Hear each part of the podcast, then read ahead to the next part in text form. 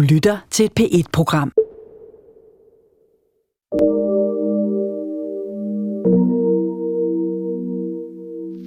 Vi vil have en radio med frisk luft og godt humør.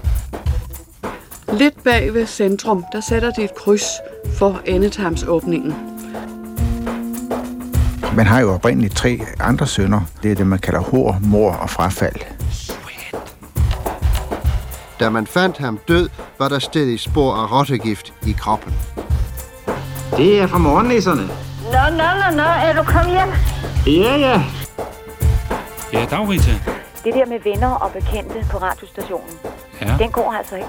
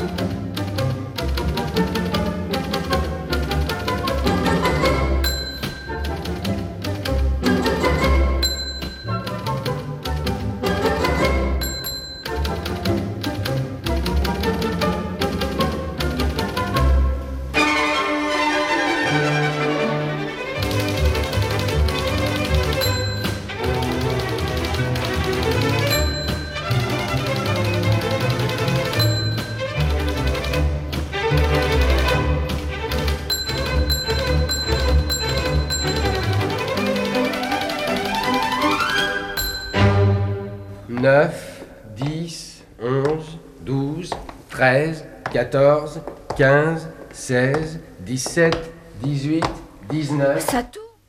Som I tidligere har hørt, afhænger udtalen af visse talord af den sammenhæng, de står i.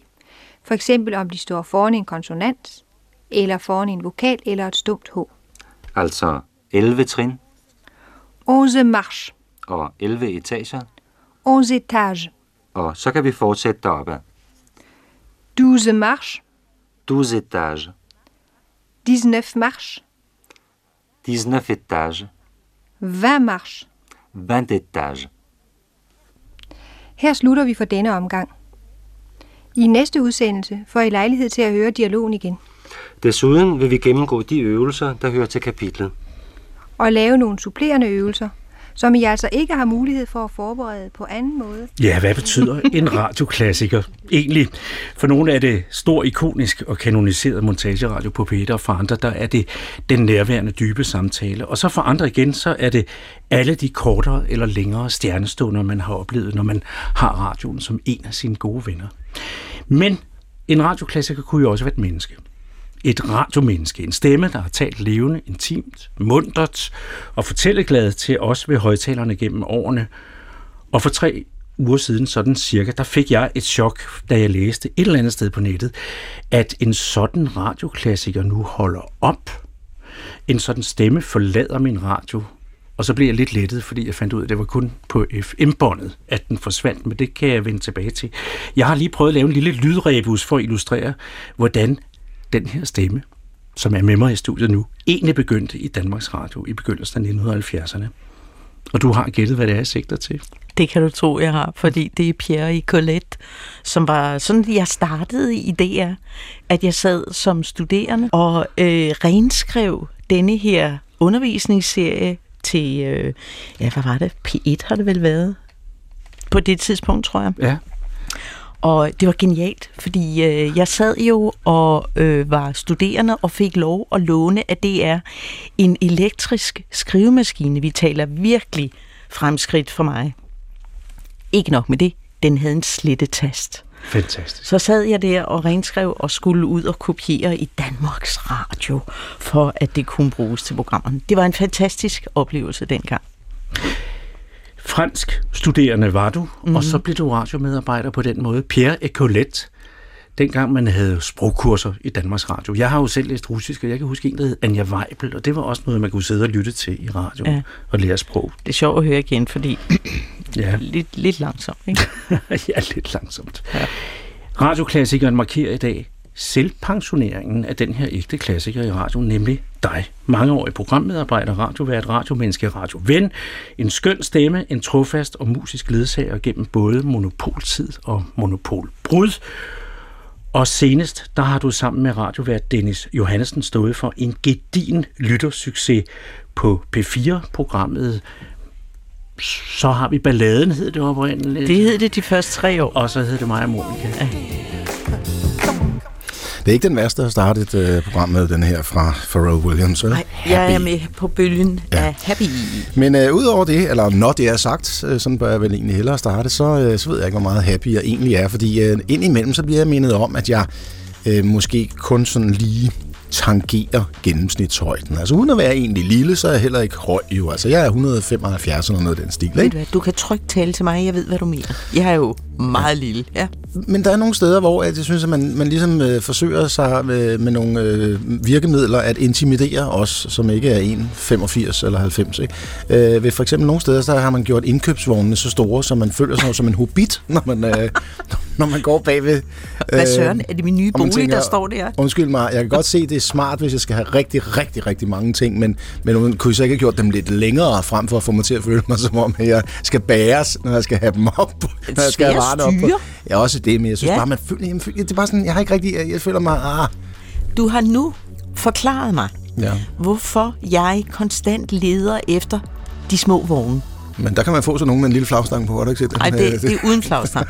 Men i mit supermarked, der har ja. de nogle halve vogne. Mm. Hvorfor de ikke har flere af dem, det fatter jeg ikke, fordi ja. så meget køber jeg ikke. Men så det er dejligt med sådan nogle halve det. Det jeg faktisk vil frem til, det er, at det er blevet overgået, det her. Uh-oh. Intimideringen er, øh, er overhældet indenom. Uh, Intimideringen har nået nye højder, for at sige det. Men jeg er faktisk for at blive i en terminologi, ja. som er meget passende her, Monika. Jeg var på et uh, hotel i Aarhus. Mm. Og øh, til en enkelt overnatning, lov, kun, kun en enkelt overnatning. Og der havde man øh, ude på badeværelset sådan et øh, hæng, hængte på væggen toilet. Du ved, ikke? Ja. Hvor øh, cisternen er skjult ind i det. tror jeg, det hedder. Det er, det er jo mega smart. Det ser ja. også rimelig tjekket ud. Og, øhm, du kunne ikke nå op? På et tidspunkt skulle, sætter jeg mig så på... så sætter jeg mig på toilettet og må konstatere... At dine ben slipper jorden? det har jeg altså ikke prøvet. Prøv at... Hold op med at grine af det. kom, kom tilbage. Billedet kan ikke forsvinde. Kom tilbage. Jeg vil ikke sidde helt alene her. Monika, jeg vil ikke være det bekendt. Det er mega tavligt. Jeg er kommet her i dag. Jeg søger opbakning. Du kan ikke være det bekendt. Kom tilbage. Ja, det var en dejlig, dejlig oplevelse. Det var en skøn oplevelse. Og sådan gør vi øh, det, at hver gang vi skulle starte programmerne, så havde vi sådan en snak, han og jeg, mm. for at understrege det her med, at programmet var jo sådan set bare mig og Monika, og historien er, selvom der er nogen, som har harceleret over, at vi ikke kan tale ordentligt dansk. Jo, det kan vi godt. Det kommer så af, at øh, Dennis kone spurgte, hvad er det egentlig, cheferne gerne vil have, dengang vi skulle lave programmet? Og så siger han de vidunderlige ord, ja, dybest set, så vil de bare have mig og Monika. Der må jeg så sige, tit der har jeg jo haft det sådan, at jeg synes, at studieværter kan blive meget pinlige sammen, når de skal forsøge at være morsomme. Men her kan man jo høre på din latter, den er jo fuldstændig ægte, og altså, du er ved at knække sammen. Du knækker sammen, ikke? ja, det gør jeg. Men hvordan gør man det der? Altså, hvordan bliver man ved med, altså, hvordan kan man være personlig, uden at blive privat? Og hvordan kan man have det sjovt sammen to mennesker, uden det bliver en privat fest, som man som lytter ikke er inviteret med til, og i øvrigt også lidt kunstig? Ja, det er et spørgsmål om kemi, for det første. Og øh, der er sket et eller andet gudetræf, at øh, Dennis og jeg, vi blev sat sammen til at lave radio. Det er den ene ting. Og den anden ting er også, at der hverken Dennis eller jeg er bange for at bruge os selv.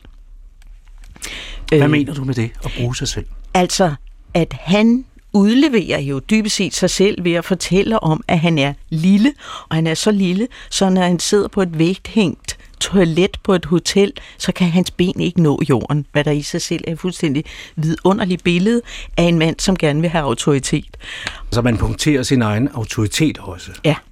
Fordi det er jo det, Danmarks Radio altid bliver skældt ud for at være. At være autoritær og opdragende. Og, men er den altvidende studievært og sådan noget. Præcis. Og, og slut med det, fordi vi er meget mere lige til. Og frem for alt, så har det en anden funktion. At nu om dage, hvor alle programmer har de sociale medier øh, med sig som en del af programmet, så kan vi ikke forlange, at lytterne skal fortælle nogle måske endda intime ting om sig selv, eller nogle selvudleverende ting, hvis ikke vi også gør det med os selv over for dem.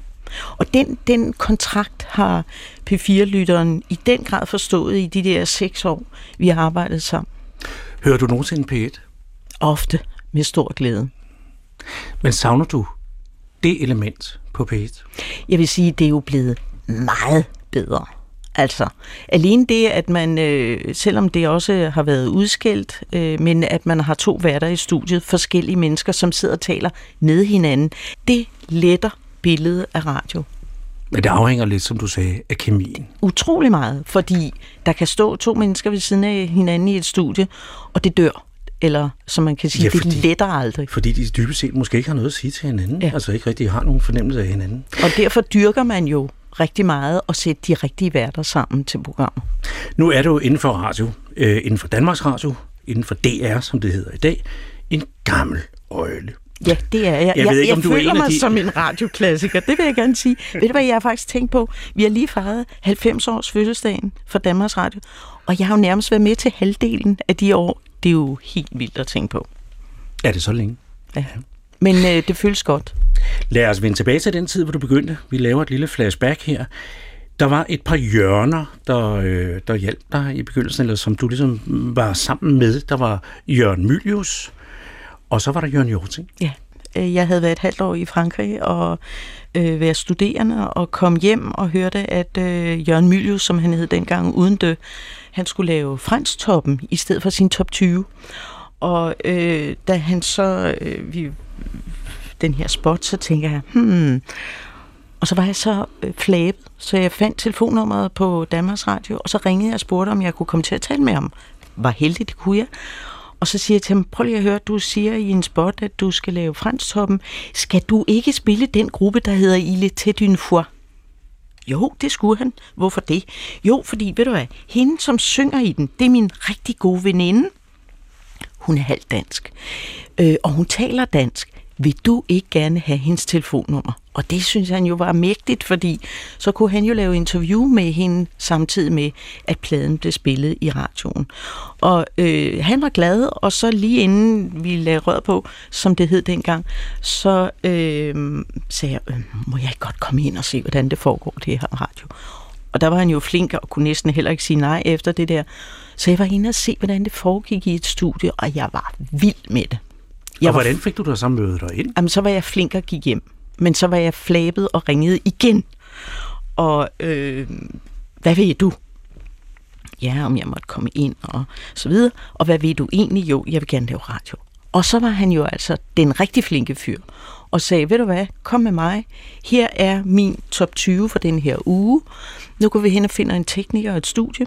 Så sætter du dig der bag mikrofonen, og så øh, præsenterer du det som om det var dig, der var den i radioen. Er det derfor, at du altid har haft noget med musik at gøre, eller var musikken en del af det før? Altså kunne du lige så godt have været blevet øh, medarbejder ved P1 og have siddet og arbejdet med religionsrapporten i dag, eller radioklassikeren? Jeg vil sige, det er nok ikke så sandsynligt, men, men principielt ja.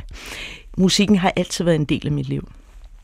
Og øh, her var det tydeligt, at det her med at formidle musikken. Fortælle historierne om musikken. Det synes jeg, det var spændende. Og mit held var, at øh, det her bånd, som blev optaget, det sagde han, jeg giver det til dem, der skal bruge speakere. Jeg kan ikke love dig noget, men nu må vi se. Og så ville skæbne, at det en dag ringede Jørgen Jorting, som jo var den, der tog sig af speakeren på det tidspunkt, og sagde, vil du være speaker? Jørgen Jorting, her er stikordet.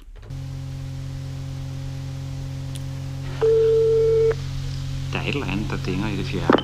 Jo, sandt, der sker noget. Hallo? Ja. Goddag. Det er fra morgennisserne. Nå, nå, nå, nå, er du kommet hjem? Ja, ja.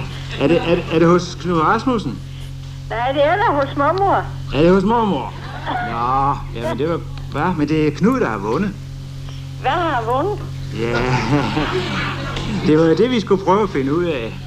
Hvorfor der? Hvad er det der? Men han... Hvad for noget? Hvad er det for noget, du siger? Hvad er det for noget brug? Ja, nu ved jeg ikke rigtigt, om de har fået det forkerte nummer eller det rigtige nummer. Men har I sendt noget ind til morgennisserne? Er det her bøge?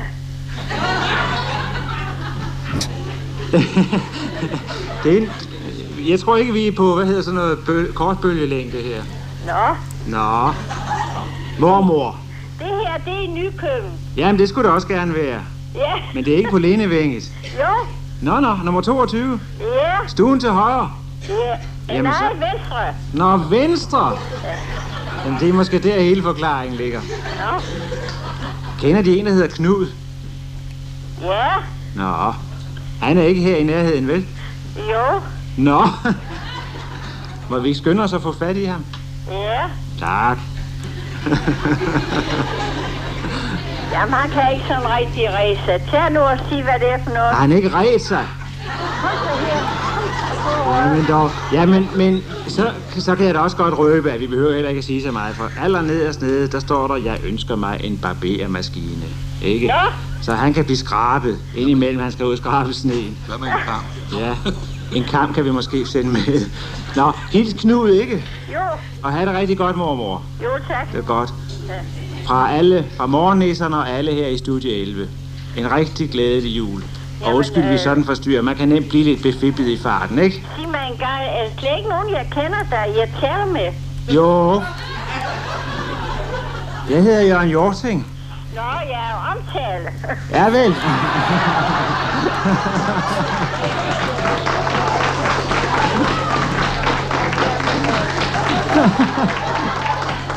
Men så har vi også Gunnar Hansen ved siden af. Nå, nå, ja, ham kender vi også. Ja, det Det kan du også. Så, Er der ja. overhovedet nogen, der kan høre, hvad jeg siger? Jeg har glemt at trykke på knappen. Nå, men det er gået frist igennem. Nå. Vi, vi slutter her, ikke? Jo, For denne gang. Men hils nu Knud og sig, at han har vundet en barbermaskine. ja, han er jo en lille svole evensvær, men ikke så meget. Nej, nej, men, øh, men der var han jo brug for en barbermaskine alligevel, ikke? Ja, han skal Ja. nemlig have en ny, for den Skal- her har den ikke så god. Nej, den er ikke så god. Nej. Men nu behøver I ikke at købe en til ham, for der kommer en for os efter jul. Ja, Ikke? men det siger vi tak for. Selv tak. Det er hans storebror, der har været julenæst der, så. Ja, ja. Ja, Rigtig god jul. i lige måde. Tak. Farvel. Farvel. Ja, det er Ej, altså hvor er det vidunderligt. Man kommer i julestemning her i Ej. sommervarmen. Hvor er det et skønt genhør.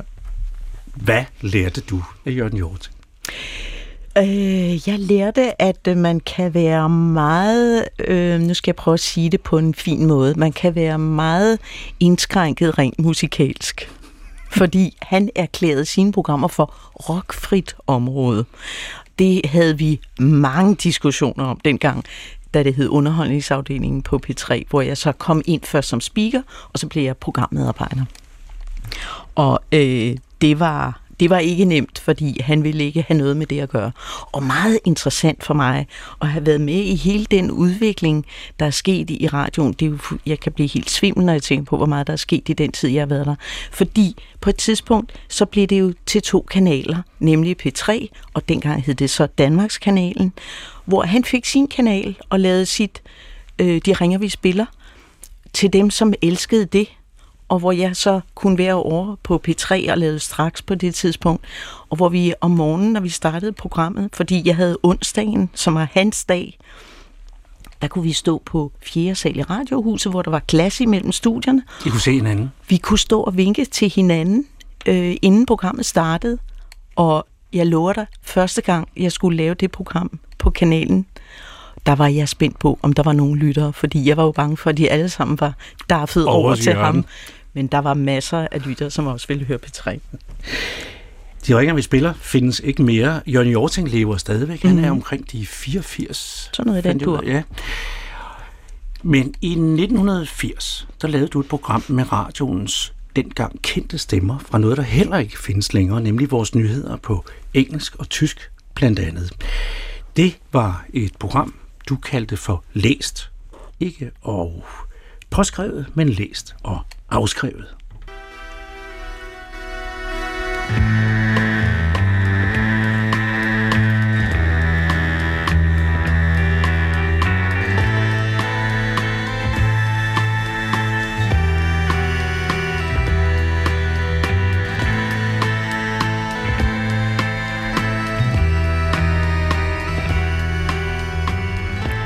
Så har vi igen læst og afskrevet og rodet i pressens papirkur. Herboende korrespondenter på udenlandske blade har med sædvanlig kyndig hånd udvalgt de telegrammer og de nyheder, de ellers aldrig ville få at høre i de almindelige nyhedsudsendelser. Og husk, når Johannes Kamilchek, Julian Isherwood, Christopher Follett og Dick Platt fortæller en god historie her i programmet, så er det mere end det. Det er rent faktisk foregået. En 33-årig videnskabelig medarbejder ved Universitetet i West Virginia, USA, prallede med, at han ville leve i 200 år ved hjælp af en livselixir, men dette kom til at koste ham livet. Den recept, han forsøgte at skaffe sig et langt liv på, var præparatet warfarin, som almindeligvis bruges til at lægge ud til rotter. Da man fandt ham død, var der stadig spor af rottegift i kroppen.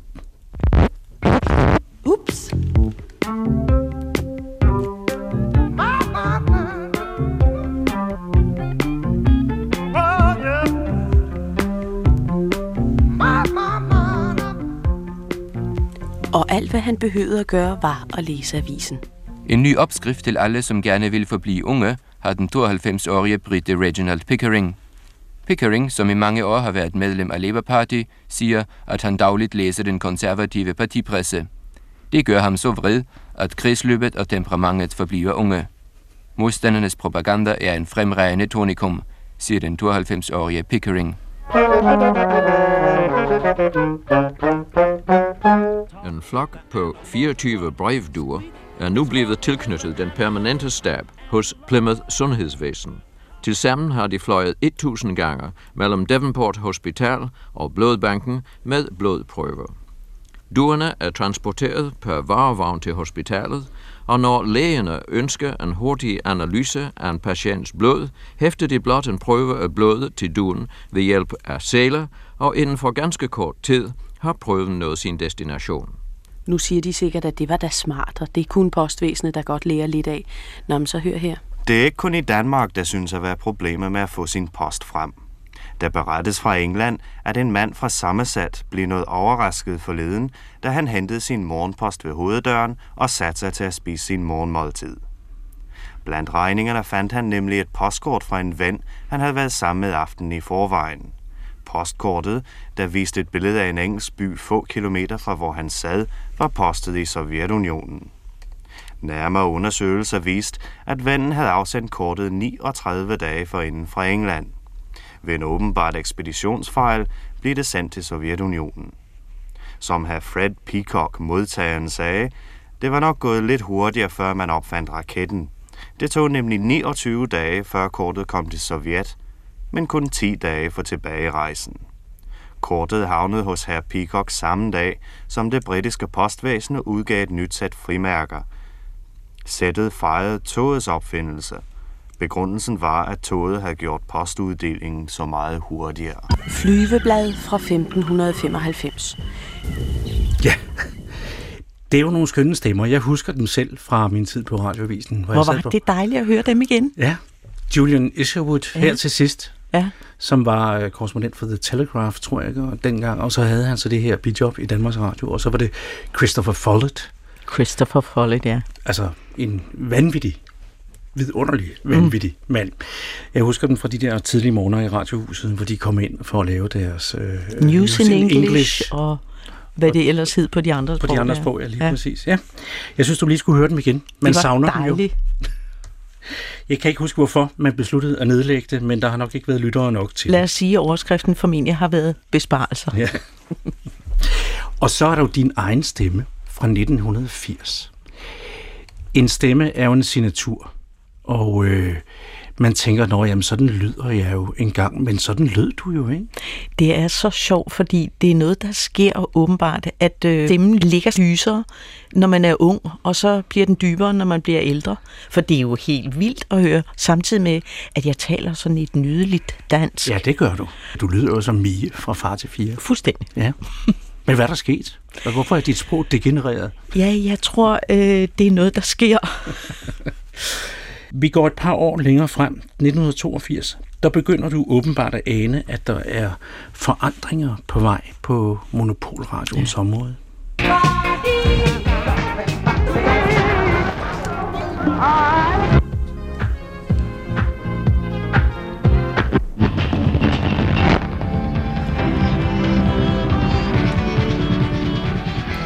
For at være med i denne her udsendelse, må man hente sin transistor eller se nøje på den, der i øjeblikket spiller. Kan du se FM-båndet? Det betyder frekvensmodulation, og det går fra 88 til 108 MHz. Og i Danmark kan man som regel fange P1, P2 og P3 uden større teknisk kunde. Og så lidt udenlandsk, alt efter hvor man bor. I Danmark har vi en radio, der fordeler sig på de forskellige programmer. Nu kan du komme med på en rejse til Belgien og Frankrig, hvor man for længe siden har lært at tale om radioer, en flertalsform, vi danskere må se og lære. I øjeblikket tager vi turen hen over FM-båndet i Bruxelles en lørdag morgen. Statsradioen sidder stadig på det største frekvensområde, men mellem 100 og 104 MHz åbner der sig en verden af muligheder, uden at man egentlig kan tale om, at der er opfundet noget genialt nyt i radiofonisk sammenhæng.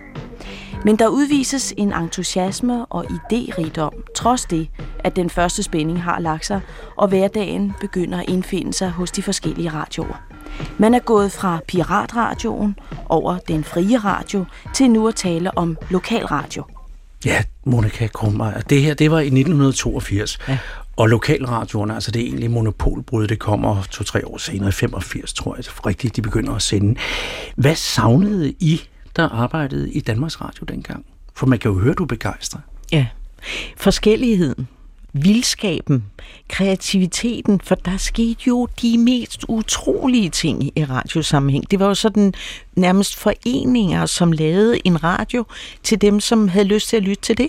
Jamen, kunne I ikke bare lave, hvad I ville i monopolet? Det var jo ligesom forbudt øh, i officiel sammenhæng, men inden for Danmarks Radio, ja, der var der jo så nogle af os, som øh, på det tidspunkt opfandt en lille lokal radio, som hed Radio Rita. Og det var, det var et særligt kapitel i mit liv, og i Hans Otto Biskov, Paul Erik Heilbutt og Hans Bylovs liv, at denne her radio blev opfundet. Ja, hallo? Ja, hallo? Det er Rita her. Ja, dag Rita. Hans Otto, der er en ting, jeg godt vil præcisere for dig en gang for alle. Ja, Det der med venner og bekendte på radiostationen, ja. den går altså ikke. Og slæbe en hvilken som helst Larsen, Hansen eller Jensen, Jensen ind fra gaden for at synge en eller anden mærkelig sang. Det Jamen. går ikke her hos mig, det kan jeg godt fortælle dig. Men du, Det Kim, kan du da nok indse, det kan man ikke. Kim kom lige forbi, ikke? Det er ikke et spørgsmål om, at folk kommer forbi. Der kommer masser af mennesker forbi her. Derfor sætter man dem jo ikke i arbejde, vel? Det kan du da nok forstå. Jamen, han har lige lavet de der sange, Det ikke? har slet ikke spor med det at gøre. Jeg skal have besked om den slags. Altid. Jamen, du var jo gået. Jamen, det er fuldstændig lige meget, hvor jeg er gået hen, så må man sandelig få fat på mig per telefon et eller andet sted. Ja. Jeg lægger jo nummeret, folk ved, hvor jeg er. Er... Ikke? Jo, okay. Så er der en anden ting, jeg godt vil sige til dig med det samme. Vi er ved de her kedelige samtaler. Ja. Det er, jeg er ikke særlig begejstret for dit sprog. Nå. Du har rent udsagt et bredt, fladt sprog. Og det synes jeg ikke er kønt. Mm. Så det må du overveje. Altså, du Øh. taler ned til lytteren. Det lyder faktisk som Danmarks Radio. Og det bryder jeg mig ikke om. Jeg prøver, jeg prøver at øve mig i at, at tale. Ja, det synes på- jeg alle talt, du skulle. Fordi ellers kan jeg ikke bruge dig. Og som vi har snakket om før, jeg har ansat dig på prøve, og det er op til dig selv, om du vil få noget ud af det, ikke? Ja, men jeg, ellers så må jeg på noget Nu ved kursus. du, hvordan jeg forholder mig. Ja, Ikke? Det er Jo. godt. Har vi har tingene klar mellem hinanden. Det er Ja. godt. Farvel igen, du. helt. Jeg gik på gaden, hvor jeg bor Så hørte jeg min gamle mor Hun skrejer op i vildens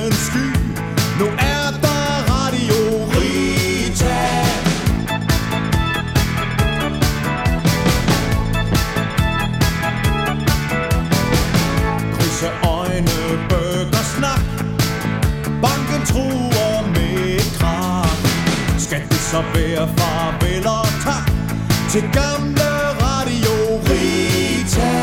Vilde fugle skal ikke i bur Det får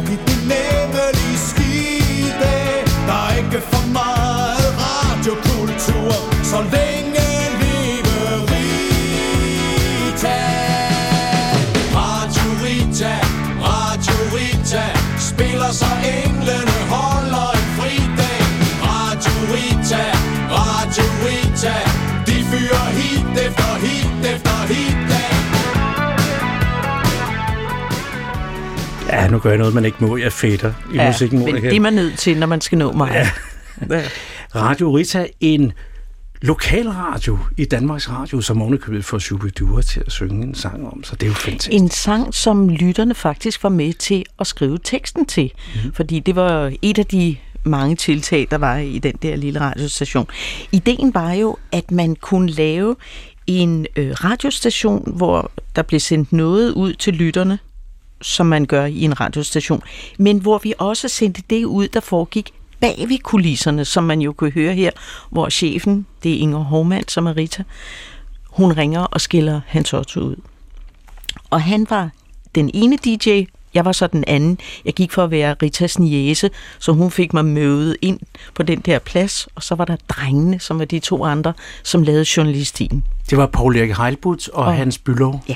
Ja, som jo senere hen blev sådan meget kendte dokumentarister, eller er øh, kendte dokumentarister. Og det sjove i historien er jo, at øh, det altid hed sig, at de gik under betegnelsen drengene, og de arbejdede hele tiden på deres sideprojekt. Det var faktisk dem, som senere hen lavede den fremragende dokumentar, som hed Fort Europa. De forudsagde jo allerede der i fra 83 og til 87, hvad det var for noget, de blev berømte på Ja, bagefter. den ballade, vi står i i dag, Ja. i virkeligheden. Ja. Ja. Ja. Ja. Og i øvrigt er der mange af de emner, vi tog op dengang, som stadigvæk er noget, vi beskæftiger os med. Fik I lusket mere journalistik ind på P3, end der var i forvejen, eller...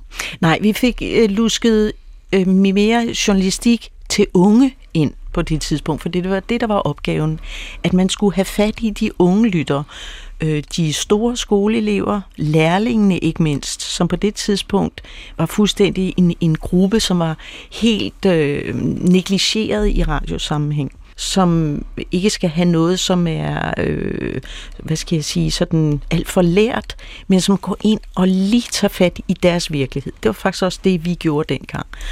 De voksne var meget bekymrede i Radio Rita-tiden, fordi hvad var det dog, vi fortalte de unge mennesker? De havde ikke tiltro til, at de unge kunne skælne selv, hvad der var sjov og hvad der var alvor. Men det kunne de. Her tager vi de første skridt ud i det, som nogen kalder for infotainment, altså hvor man blander underholdning og, og information. Ja, og det gjorde vi faktisk meget bevidst. Vi opererede med det begreb, som hedder faktion, altså at vi blandede fakta med fiktion, og lavede det, vi indimellem kalder for omvendt historie, hvor vi øh, sådan lavede skæg med et eller andet, men hvor der lå noget alvor nede i. Øh, jeg savner stadigvæk, det er jo ikke alt, der er bevaret desværre, men jeg savner meget en historie, jeg kan huske, som var øh, en reportage, hvor øh, vi stod og talte med en fra 20'ernes fagforening, som skulle øh, lære en butikstyv, hvordan man undgik at blive fanget af kameraerne i forretningen. Og det blev jo modtaget af de voksne som, ej, hvad er det dog, man lærer de unge? Men hvor de jo i virkeligheden var kædet sammen med journalistik om, hvordan butikstyve arbejdede, om unge, som blev dømt for butikstyveri, og hvad det betød for deres liv senere hen. Så det havde hele, hvad skal vi sige, øh, den, den øh, kugle af information, som man har brug for, nemlig det faktuelle og det sjove i fiktionen, og øh, samtidig også de reportager, som det i virkeligheden handlede om. Har du aldrig været i tvivl om den her balancegang mellem det faktiske og det, fik- og det fiktive? Nej. Nej. Og du har heller aldrig været i tvivl om det underholdendes øh, kombination med det informerende? Nej. Der må man jo stole på sin mavefornemmelse og sin viden igennem mange år.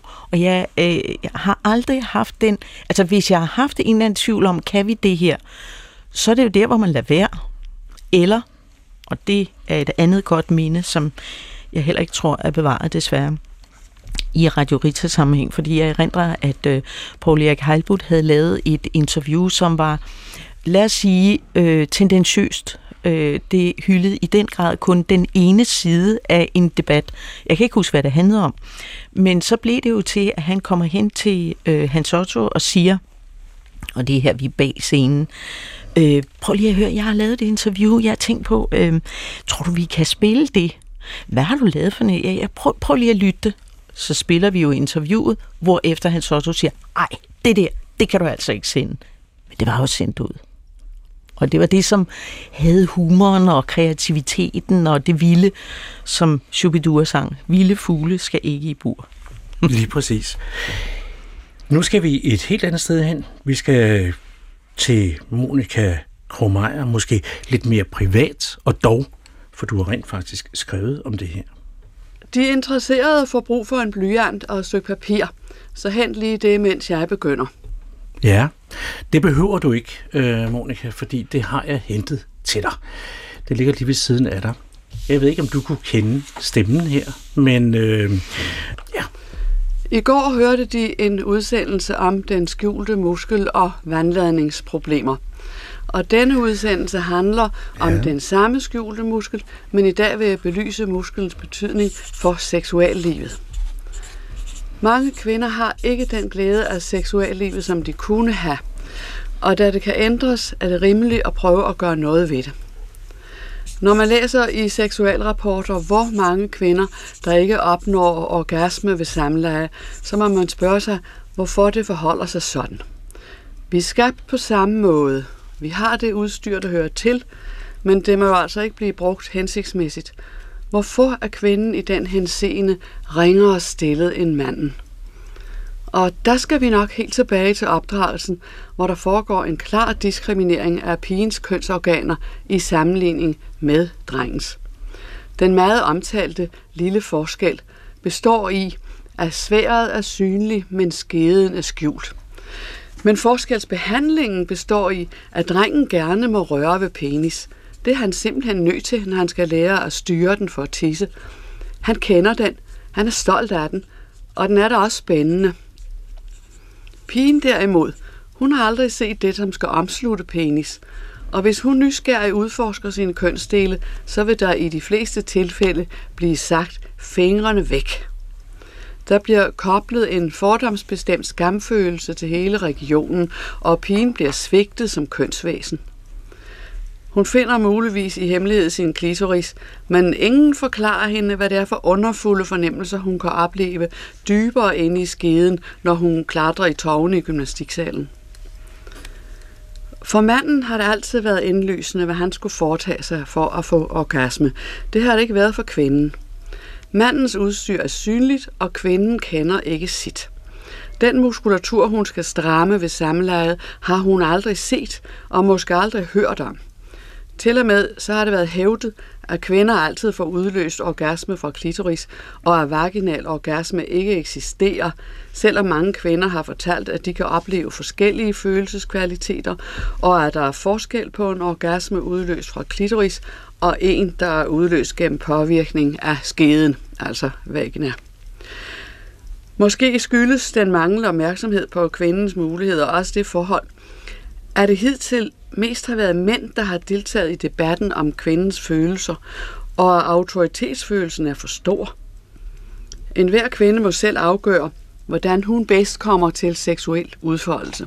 Hun skal ikke tro ukritisk på, hvad andre doserer, men selv føle sig frem og hun går klogt i at arbejde med sig selv, søge oplysninger og gøre erfaringer. Nu vil jeg gerne beskrive en del af bækkenbundens muskulatur, og de vil få mest ud af det, hvis de tager blyanten og tegner en cirkel på papiret, og den skal være så stor som omkredsen af et nyfødt barns hoved. Og det forestiller, cirklen forestiller bækkenets nederste åbning, altså knoglens åbning. Og midt i den cirkel, der markerer de centrum med en prik. Og i lægesproget latin, så hedder det punkt centrum perineum. Og midt i bageste kant af cirklen, altså den kant, der er nærmest ved dem, som de sidder, der markerer de halebenet. De kan tegne sådan en lille trekant på. Læg lige blyanten fra dem og føl efter deres eget haleben med fingrene. Kom, læn dem lidt frem, og så bor fingrene ind, indtil de har det. Og behold fingerspidserne der, mens de med den anden hånd føler den forreste kant af bækkenknoglen. Det er det, der hedder skambenet, eller på latin, os pubis. Behold hænderne der lidt, og så tænk på afstanden imellem de to punkter. Der har de barnehovedet igen. Tag så blyanten igen, og så tegn skambenet ind på den forreste del af cirklen. Nu har de tre punkter på linje, for de har midten af skambenet øverst, så har de centrum, og så har de halebenet. Og nu skal vi have markeret bækkenbundens tre åbninger. Lidt bag ved centrum, der sætter de et kryds for endetarmsåbningen, og tegne nogle ringe udenom, som forestiller den kraftige ringmuskel. Og cirka midt imellem skambenet og centrum, der sætter de en lille prik for urinrørsåbningen med en lille cirkel udenom som en lille ringmuskel. Og mellem urinrøret og centrum, der tegner de så en åbning uden ringmuskel, og det er indgangen til skeden til vagina. Nu skal vi have anbragt den muskel, som det hele drejer sig om her. Det er kun en del af den samlede bækkenbundsmuskulatur, men det er nok til at give en forståelse af, hvad de opnår ved træning. De begynder med blyanten omtrent ved midten af skambenet, og så tegner de en streg fra indersiden af knoglen, lige hen forbi urinrørsåbningen og videre forbi skedeåbningen, og slut så stregen i centrum. Det var den ene side. Så tegner de en parallel streg på den anden side af åbningerne, også fæstet i centrum. Og det forestiller muskelfibre, og muskelfibre er elastiske og kan trække sig sammen med mere eller mindre styrke. Så nu skulle de kunne læse ud af deres tegning, at det, der vil ske, når disse fibre trækker sig sammen, det er, at der opstår en stramhed. De to sider vil blive klemt sammen om urinrør og skede, og centrum vil blive trukket frem efter imod den faste knogle, det er det faste punkt. Og når bækkenbundsmusklerne er afslappet, så vil bunden nemlig som helhed bue ned efter. Og når den strammes, så vil den løfte sig op efter, i det muskulaturen forkortes. Ja. Der sker altså tre ting, når de strammer den muskel, de lige har tegnet. En knibning fra side til side, et tryk bagest på skeden, i det den trækkes frem efter, og endelig et træk op imod kroppen, som føles som et sug. Så nu vil jeg slutte med at ønske god arbejdsløst. Monika, Fantastisk. Jeg er lige gået over ved siden af dig for at se din tegning her. Det, altså, da jeg hørte det, inden vi gik i studiet, der kunne jeg ikke rigtig få mening i det, men når man står med papiret, giver det fuldstændig mening. Det her. Og når man er kvinde, gør, giver det endnu mere mening, vil jeg sige. Og det var så øh, Det var en Helle kvinde, du kender, ja. ja. Fantastisk. Jeg kender hende ikke personligt, og jeg har aldrig været til nogle af hendes kurser, men jeg har læst hendes bog, og øh, altså man kan bare høre på den måde, hun kan forklare ting, som for andre er nærmest umuligt at sige. Så indlysende, så let tilgængelig og let forståelig, så man kan kun ærge sig over, at hun ikke har at hun ikke er her stadigvæk, og at hun ikke har fast ugenlig radiotid. Det her, det er fra Familiespejlet på P1 fra 1980. Ja. Knibeøvelser. Ja. ja, og det er vigtigt at gøre. Jeg tænker på det, når jeg står i kø i supermarkedet, og alligevel ikke kan flytte mig, så står jeg og laver knibeøvelser. Ja. Det er vigtigt. Det gør jeg faktisk også. Det er nemlig det, fordi, jeg mennesker lille, også gør det. Jeg har fået en lille bog af min ja. kone på et tidspunkt, der hedder Fra regnorm til anaconda. Det kan man så tænke lidt over, hvad det betyder.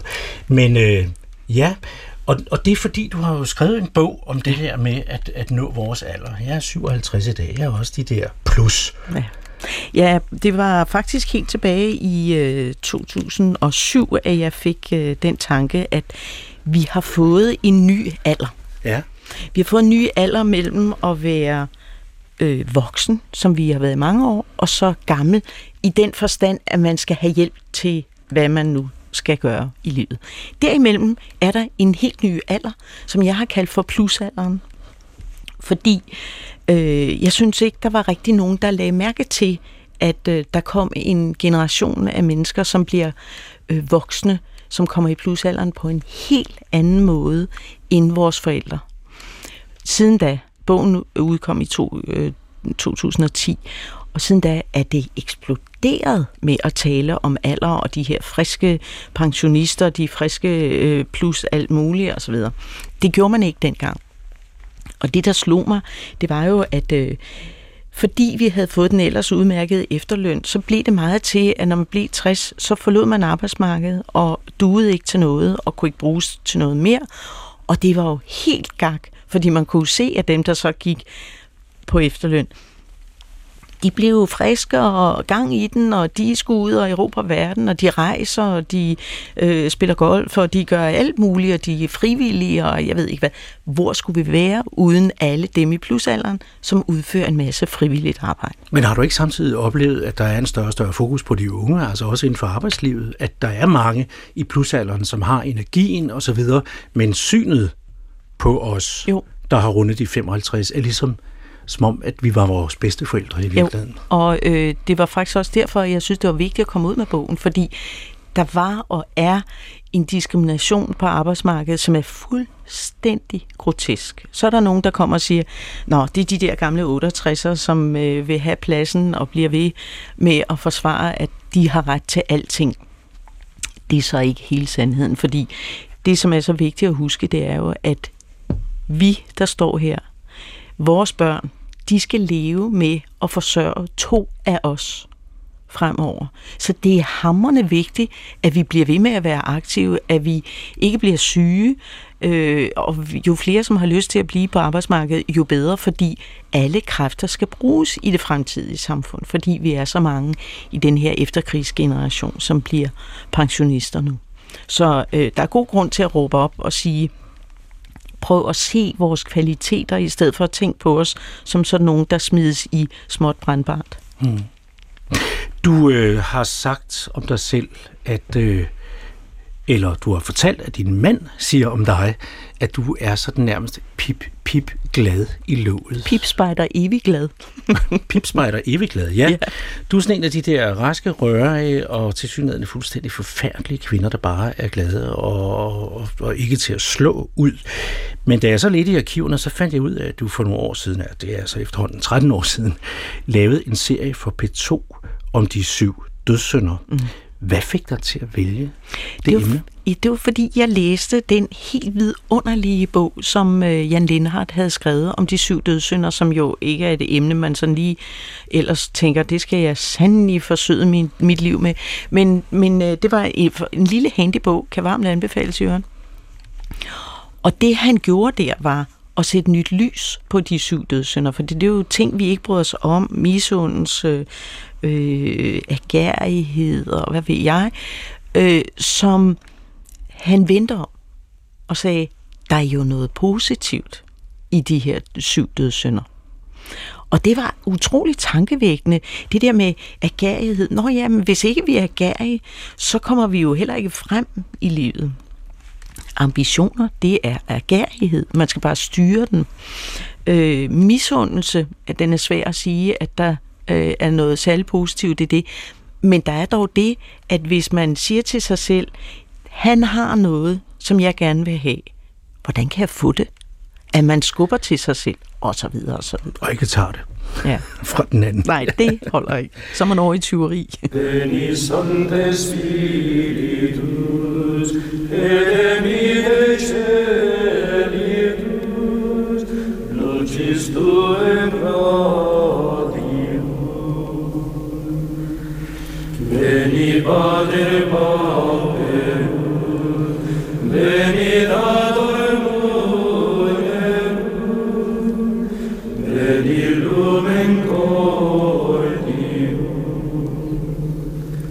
2001 udkom en lille bog om de syv dødssynder.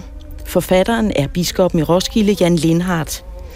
Hovedformålet med bogen er at minde os om, at de elgamle regler for, hvordan man bør opføre sig, og især ikke opføre sig, de har ændret sig op igennem århundrederne, så i dag må vi snarere tale om dyder end om dødssynder.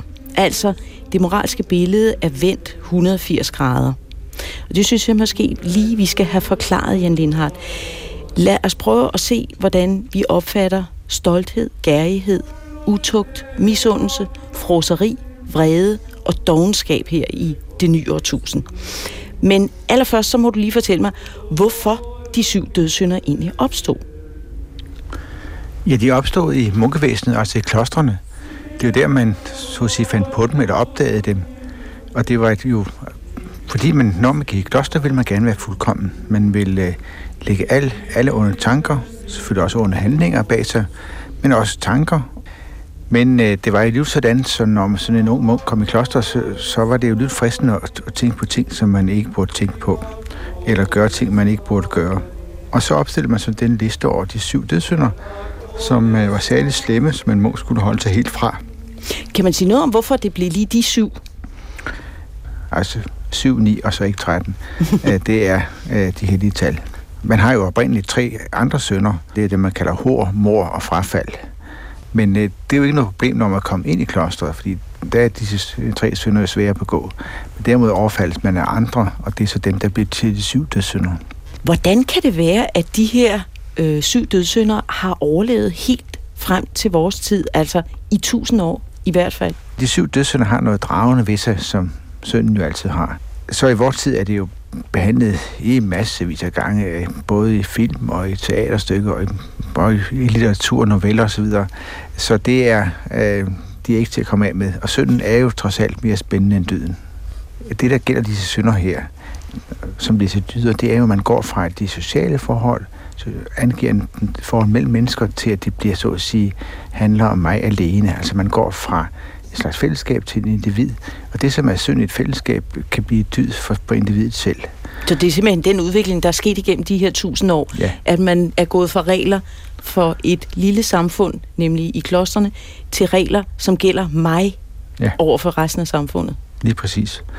Og øh, i vores er det vigtigt for eksempel, at man har et selvværd, at man ikke er en plet på væggen, men at man er noget i sig selv, og øh, det kommer frem øh, ved, at man har lov til at være stolt af sig selv, og at lære at sætte grænser over for andre. Det vil sige, at jeg skal være stolt af mig selv, og øh, skal ikke lade mig definere af andre. Man kan også sige, at modeordene er individualisering, øh, selvudvikling. I høj grad.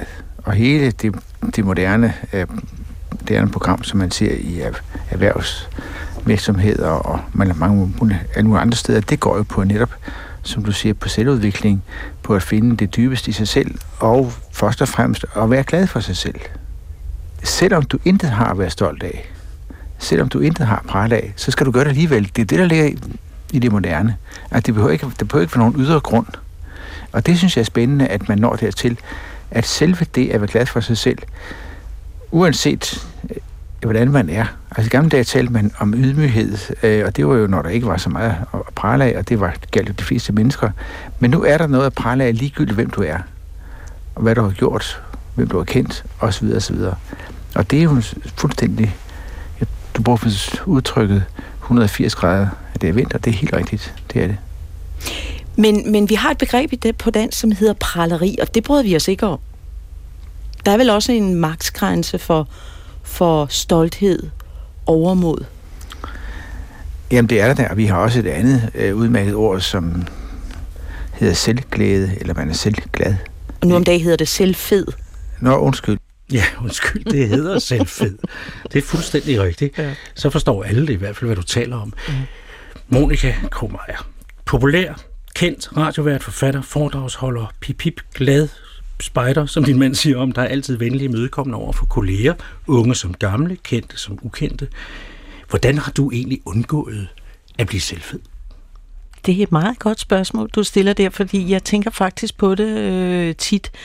Men det er vist nærmest en beslutning, at øh, jeg har oplevet selvfede kolleger og mennesker, der er selvfede. Det er ekstremt grimt. Øh, og det bryder mig ikke om. Så jeg, har, jeg, har, jeg gør virkelig, hvad jeg kan for hele tiden at holde fødderne på jorden. Og jeg kan huske, at da, da mine børn var små, så noterede jeg mig med stor glæde at komme hjem og tænke, ej, hvor har jeg bare været hammerende god i radioen. Og det var bare et præmieprogram, og så videre, og så videre. Så kommer man hjem, mor, du er dum, fordi jeg ikke har fået en chokolademad, eller hvad det nu var. Altså, hverdagen bliver levet af millioner af mennesker udenfor, som er fløjten ligeglade med, hvad jeg laver i radioen. Og det er godt at blive mindet om et lille reality check. Mm. Det er godt mod selvfedme. Ja, det er. Mm. Du skal lige få lov at være så selvfed her til sidst i programmet, at fortælle, hvor er det nu, vi kan møde dig, når du nu går af FM-båndet, for du er jo 50 plus, og du bliver ved og ved, at du er 60 plus. Jeg er ovenikøbet blevet 60 plus, og jeg bliver 65 plus til august. og du bliver ved. ja. Det gør du jo.